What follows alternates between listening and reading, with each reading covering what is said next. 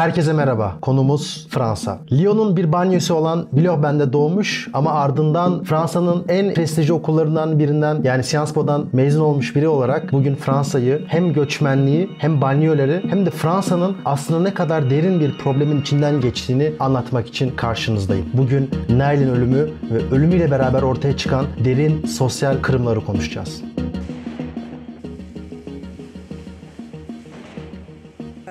A sauvé son honneur, c'est grâce à ses caméras.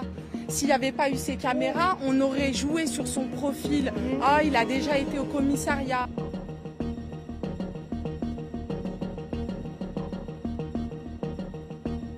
Bugün önce olayı konuşacağız. Nail'in ölümü nasıl gerçekleşti ve ardından bu bir hafta içerisinde Fransa'da neler yaşandı? Siyasetçiler nasıl tepkiler ve reaksiyonlar gösterdi? Bunları konuşacağız. Ama sadece olayları da konuşmakla kalmayacağız. Nail'in hikayesinden de Fransa'daki banliyölerde bir gelecek hissetmeyen göçmen asıllı Fransızların durumunu konuşacağız. Bununla beraber Fransa'nın içinden geçtiği güvenlik, entegrasyon, İslam, radikalizasyon gibi başka derin problemleri de konuşmuş olacağız. Ama bunları konuşmadan önce size bir hatırlatma yapmak istiyorum. Bildiğiniz gibi 49W tamamen gönüllülük üzerine yürütülen bir kanal. Her hafta dünyadaki gelişmeleri veya siyaset biliminin önemli konularını size rafine bir şekilde anlatmaya çalışıyoruz. Bizi destekleyebilirsiniz. İki yolla. Birincisi YouTube ve Patreon üzerinden bize finansal olarak destek olabilirsiniz. Hem de çok cüzi ücretler karşılığında. 49W her ay 300 bin kişi izliyor. Sadece %1'i bile bize finansal destek sağlasa eminim kanal kendi kendini devam ettirecek pozisyona gelir. İkincisi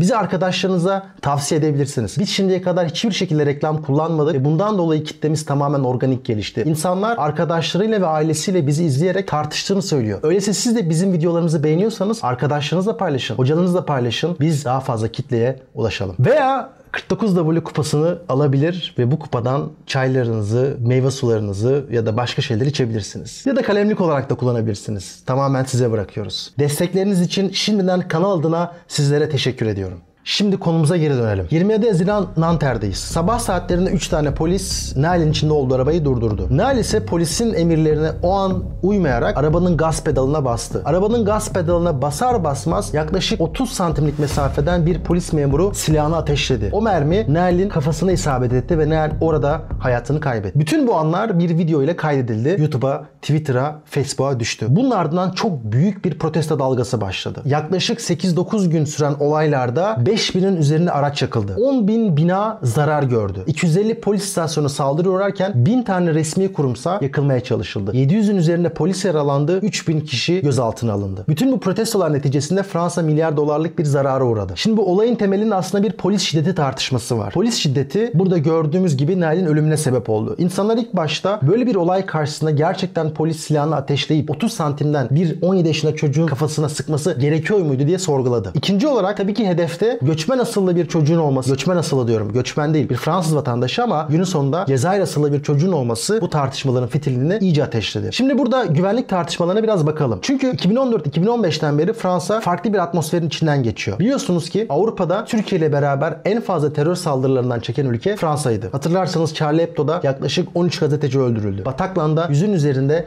o gün konsere gitmiş insan öldürüldü. Bunun gibi birçok terör saldırısı Fransa'da bir dizi güvenlik reformu ile sonuçlandı. Bunlardan birincisi istihbarat ve kolluk kuvvetlerine insanları daha fazla takip edebilme yetkisi vermekti. O zaman birçok insan bu kanunun kişisel verilerin korunmasına karşı bir tehdit oluşturduğu için reddetmişti. Karşı çıkmıştı. Fakat bununla beraber istihbarat servisleri insanların WhatsApp konuşmalarına, sosyal medya kullanmalarına, IP adresine daha fazla erişebilir olmuştu. İkincisi ise 2017 yılına geçti. 2016 yılında bir saldırgan bir polis arabasına molotof kokteyli atarak 4 tane polisin feci şekilde yanmasına sebep olmuştu. Bu olay aslında Affaire de Policier Brûlé à Viry-Châtillon'da gerçekleşmişti. Yani böyle bir olay olarak geçiyor. Bir Şatiyon'da 4 polisin yanması olayı. Yanması olayı aynen. Şimdi bunun üzerine o zamanki polis sendikası polisler öfkede diye bir miting düzenledi. Hatta greve gittiler ve ikinci önemli değişiklik gerçekleştirildi. O da eğer bir polis sizi durdurursa o durdurma neticesinde polisin emirlerine tamamen uymanız gerekiyor. Eğer uymazsanız ve polis kendini tehdit altında hissederse silahına sarılabilir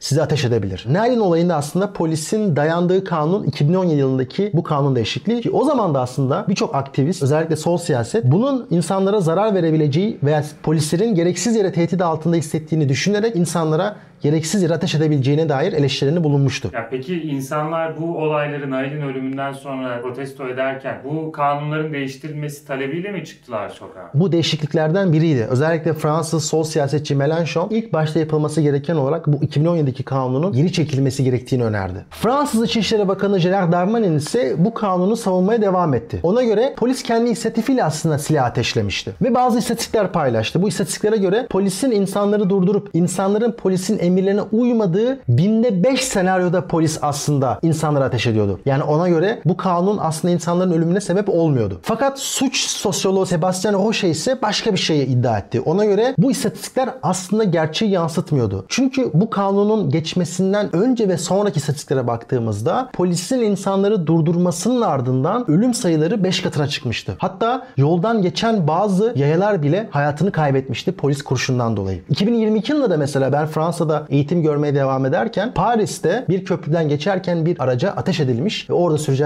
kaybetmişti. O sürücünün ölümünden sonra bu şekilde bir isyan, protesto başlamış mıydı? Niye o zaman olmadı, şimdi oldu? Bence bunun birkaç sebebi var. Birincisi Nail'in çocuk olması. Yani 18 yaşının altında. Bu insanlara daha büyük bir adaletsizlik duygusu yarattı. İkincisi bence bunun bir videosunun olması da yani ölüm anının videosunun olması da insanlarda ikinci tetikleyici olgu oldu. Ya çok terörize edici bir video ve onu izlediğinizde gerçekten üzülüyorsunuz. Üçüncüsü periyodik olarak Fransa'da aslında bu isyanlar çıkıyor ve bu isyanlar aslında toplumdaki bir sıkışmışlığı gösteriyor. Dolayısıyla bence Nail'in hem küçük olması hem videosunun olması hem de uzun zamandır Fransa'nın zaten bu tarz banyodaki eşitsizlikleri yaşaması da olayların fitilini ateşleyen nokta oldu. Sebastian Roche istatistikleri şöyle devam ediyor. Mesela 2022 yılında polisin çevirme yaparken öldürdüğü insan sayısı Almanya'da birken Fransa'da 13. Dolayısıyla bu istatistikleri karşılaştırdığımızda Sebastian Roche gerçekten 2017'den sonra geçen yasanın daha fazla insanın ölümüne sebep olduğunu söylüyor. Şimdi burada birkaç nokta var bu güvenlik tartışmasında. İlk nokta Frans 24'ün paylaştığı bir veriyi gördüm. Fransa'nın ulusal televizyonu. Ona göre polislerin %97'si ya Marine Le Pen'e ya Eric Zemmour'a ya da başka bir sağ adaya oy vermiş. Bu bize şunu gösteriyor. Fransa'da uzun zamandır Fransız polisinin ırkçı olduğu, ırkçı sayıklarla hareket ettiği, işte karşısında bir Cezayirli veya siyahi biri gördüğünde daha agresif davrandığına yönelik eleştiriler var. Dolayısıyla ilk nokta Fransız polisinin içerisinde özellikle daha güvenlik ve sağ tandanslı insanların olduğuna dair bazı analizler. E, hatta öyle ki Nail'in ölümünden sonra bir polis sendikası şöyle bir açıklama yaptı. Bir polis öleceğine Nail ölsün. Ne mutlu ki o Nail'i öldüren polise. Bu açıklamanın ardından Gerard Döman'in bu sendikanın kapatılacağını söyledi. Yani aslında Fransız güvenlik ve kolluk kuvvetlerinin içerisinde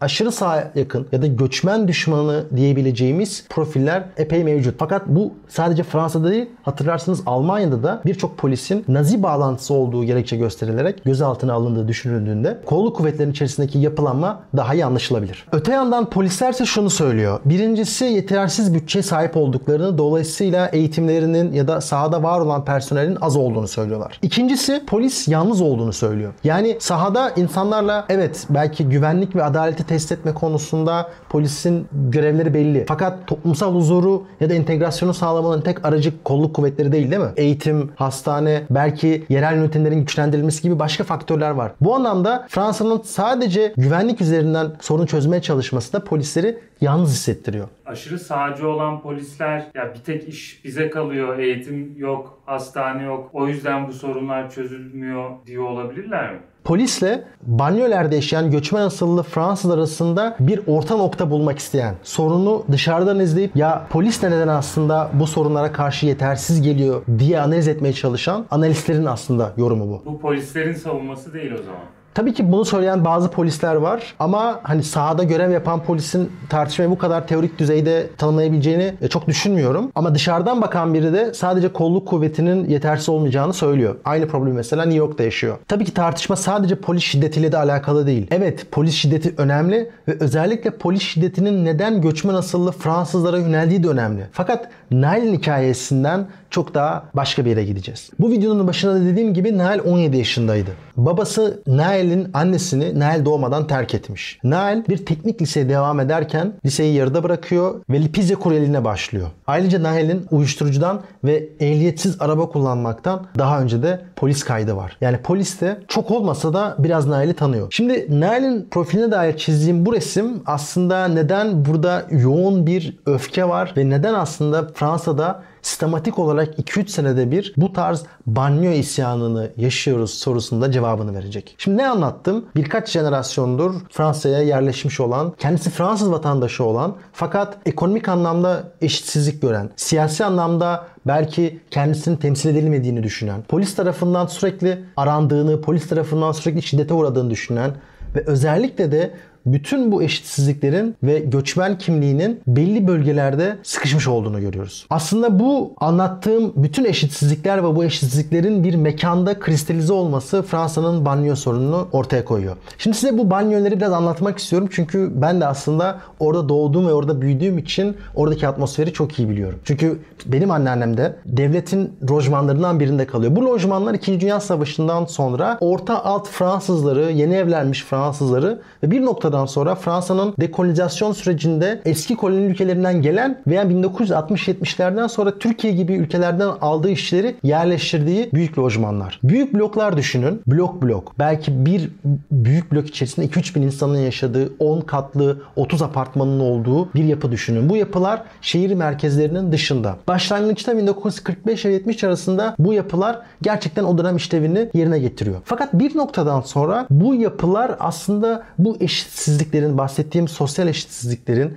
ve toplumdan soyutlanmış hissiyatının yaşandığı yerler oluyor. Ne demek istiyorum? Burada doğan bir çocuk göçmen asıllıysa iyi bir eğitim alamamaya başlıyor. İkinci nokta ekonomik anlamda işsiz oluyor. Bir Fransız gence göre banyoda doğmuş bir gencin işsiz kalma ihtimali 3 kat daha fazla. Özellikle quartier popüler dediğimiz yani daha sosyoekonomik anlamda aşağı alan bu banyolerde yıllık gelirin 12 bin euro olduğunu görüyoruz. Ki Fransa'da eğer aylık 1800 eurodan aşağı aşağı kazanıyorsanız dar gelirli olarak sınıflandırıyorsunuz. Bu banyolerde yaklaşık 5 milyon kişinin yaşadığı düşünülüyor.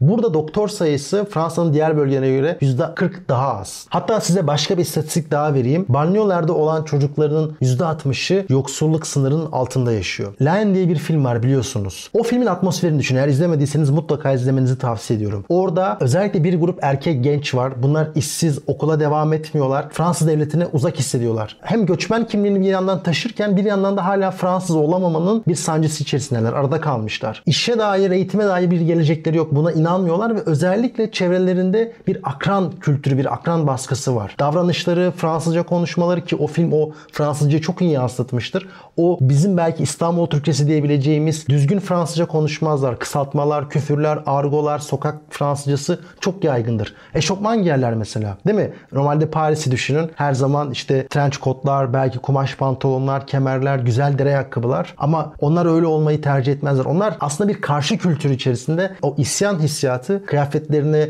giyim kuşamına, jestlerine her yere yayılmıştır. İşte banyo böyle bir ortam. Ama sadece bu eşitsizliklerin de olduğu bir yer değil. Bunun da ötesinde mesela küçük suçların oldukça yaygın olduğu, hırsızlık, belki birkaç kapkaç, uyuşturucu satıcılığı, uyuşturucu içiciliği, bir sürü gencin sabah saatlerinde akşamlar kadar motor sürüp birbirlerine hava attığı, nargile içtikleri aslında böyle bir kültürün de oluştuğu bir yer. Hangi tarafa baktığınız Fransa içerisindeki biraz siyasi pozisyonunuzu da belirliyor. Çünkü biraz daha sola yakın biri diyor ki bu aslında Fransız devletinin onları entegre edememesinin ve yaratılan sosyal eşitsizliklerin bir sonucu. Bu gençler geleceksiz hissediyorlar, topluma bağlanamıyorlar, iş sahibi olamıyorlar, sağlık veya kültürel haklarından imkanlarından yeteri kadar faydalanamıyorlar ve aynı zamanda hem babalarının hem dedelerinin hem de önceki kolonyal tarihin şiddetini, dışlanmasının hikayesini hissediyorlar. Bu yüzden onlar isyan kültürü gelişiyorlar. Fakat biraz daha sağa yakın, daha güvenlikçi perspektiften bakan biriyseniz buraya baktığınızda isyan eden, yakıp yıkan, Fransa'nın kurallarına ve değerlerine uymayan, uyuşturucu satıcılığı yapan, 17 yaşında araba kullanan, belki başkalarını tehlikeye atan, polise çatışan bir grup görüyorsunuz. Yani aslında bu her iki gerçekliği de içinde bulunduran bir durum. Bu iki durum aslında siyasetin de iki farklı yüzünden bakıyorlar. Biri yapıya bakıyor, biri bireylere bakıyor değil mi? Bireylerin sorumluluğuna bakıyor mesela sağcılar. Yani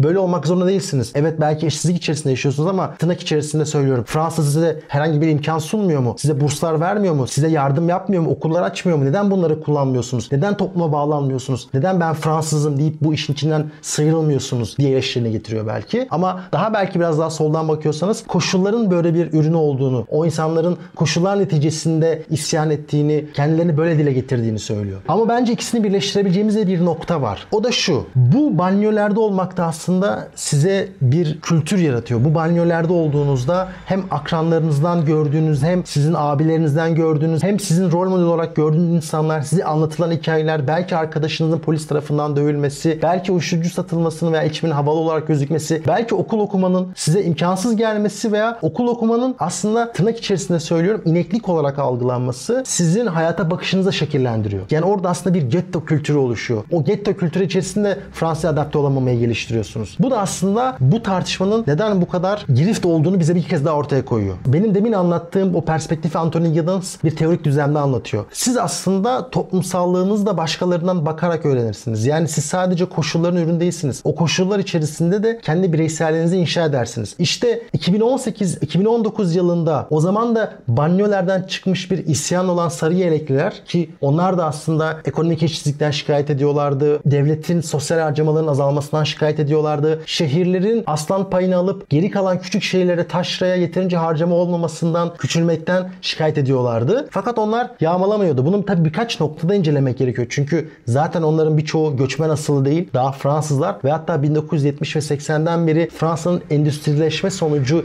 işini kaybeden Fransızlar, dışarıda bırakıldığını hisseden Fransızlar. Burada ise göçmen gençlerden bahsediyoruz. İşte buradaki bu göçmen gençler bu kültürü bu gettolarda öğrendiği için işte dışarı çıktığında gruplar halinde takılan, belki uyuşturucu ticaretinin çok fazla döndüğü, küçük suçların olduğu bu banyolerde kendi kimliğini oluşturduğu için Fransa'ya uzak hissediyorlar. Ve burada aslında bir yabancılaşma, bir Fransa'dan kopukluk, yalıtılmış hissi var. Bence bunu anlamak önemli. Çünkü biz mekanları yani içinde yaşadığımız belki mahalleyi sadece eve işe gidip geldiğimiz işte metroya kaç durak uzaklıkta olduğumuz yerler gibi düşünüyoruz ama bizim düşünce tarzımızı, değerlerimizi de şekillendiren yerler. Başkalarından bakarak öğreniyoruz. Burada özellikle banyoların bu hem sosyal hem de göçmen eşitsizliğini aynı yerde toplaması ve bir noktadan sonra da kötülüğün yani oradaki o düzensizliğin, küçük suçların daha fazla suçu yaratması da önemli bir faktör. Buna broken glass effect deniyor. 1990'larda geliştirilmiş bir teori. Bir bina düşünün o binada bir tane cam kırılmışsa diğer camların da daha kolay kırılabileceğini söylüyor. Bu teori normalde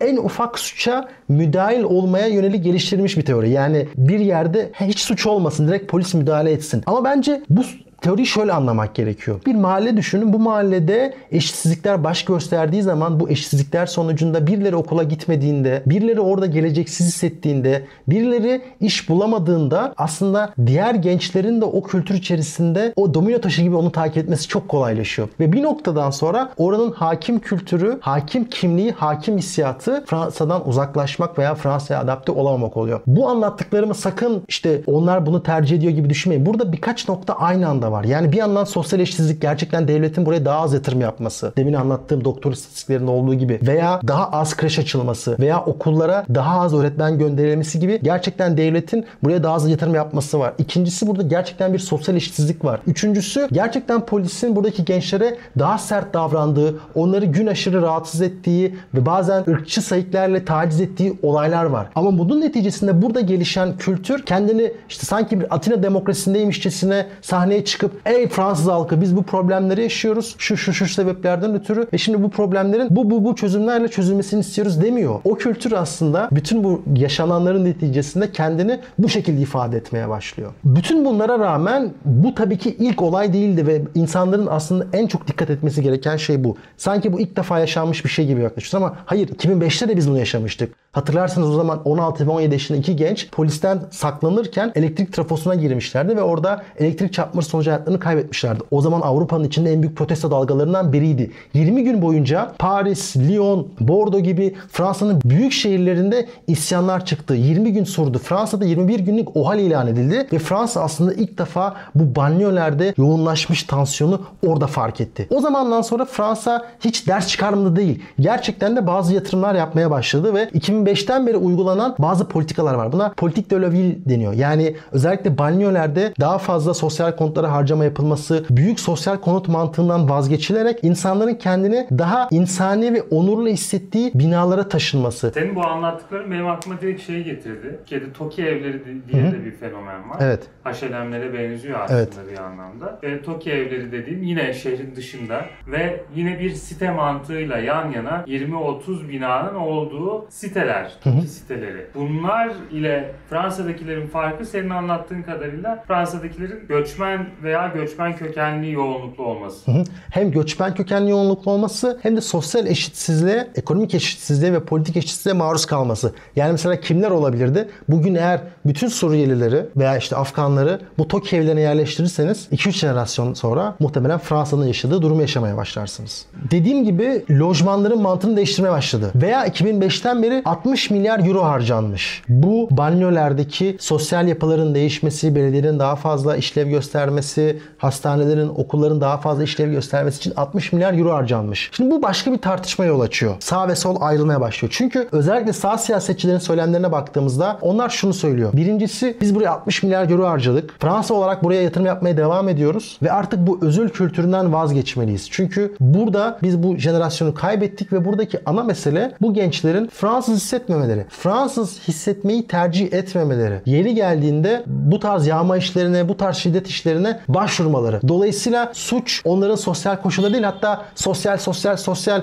nereye kadar? Et puis du social, du social, du social. Et en réalité, ce n'est pas du tout la réponse. Yani sosyal koşulları nereye kadar dikkate alacağız? Bu çocuklar çıkıyor sokağa ve şiddet gösteriyorlar. Biz bunlara para harcamıyor muyuz diye eleştirmeye başlıyorlar. Burada ama mesela sol siyaset hala bunların yeterli olmadığını ve aslında bu öfkenin anlaşılması gerektiğini söylüyor. Şimdi burada birkaç nokta var. Bunlardan birincisi demin anlattığım sosyal eşitliklerin üstüne gelen bir tartışma var ki bence bu tartışmaları daha da komplikeleştiriyor. Fransa'nın bir ulusal kimliği var değil mi? Fransız dediğimiz. Bu Fransız ulusal kimliğinin temelinde de güçlü bir Fransız aidiyeti, güçlü bir cumhuriyetçilik var. Bu cumhuriyetçiliğin dediğim gibi Fransızlık ve sekülerlikten beslenen güçlü damarı var. Bu cumhuriyetçi pozitivist aydınlanmacı devlet tavrı birincisi vatandaşını şekillendirir. Onu militan bir vatandaşlığa sürükler. Şimdi bu militan deyince aklınıza askeri bir insan gibi düşünmeyin. Yani militan vatandaş sorumlu olan ve bu sorumluları yerine getiren vatandaş prototipi gibi. İngiliz liberal tipi değil aslında. Yani makbul vatandaş da diyebilir Evet makbul vatandaş var. Bu makbul vatandaş Fransız sekülerler için uygun. Ama bir Müslüman için uygun olmamaya başlıyor. Çünkü birincisi sizin zaten kültürel değerleriniz öyle şekillenmemiş. İkincisi Fransızlık ve onun seküler anlayışı bizim için çok katı. Yani bugün bizim açtığımız işte kamu kurumlarında başörtü takmak gibi yasakları hala devam ettiriyor. Hatta o kadar ki geçenlerde mesela Fransa'da bir tartışma oldu. İnsanlar burkayla havuza girmek istedi. Yani işte vücudunun tamamını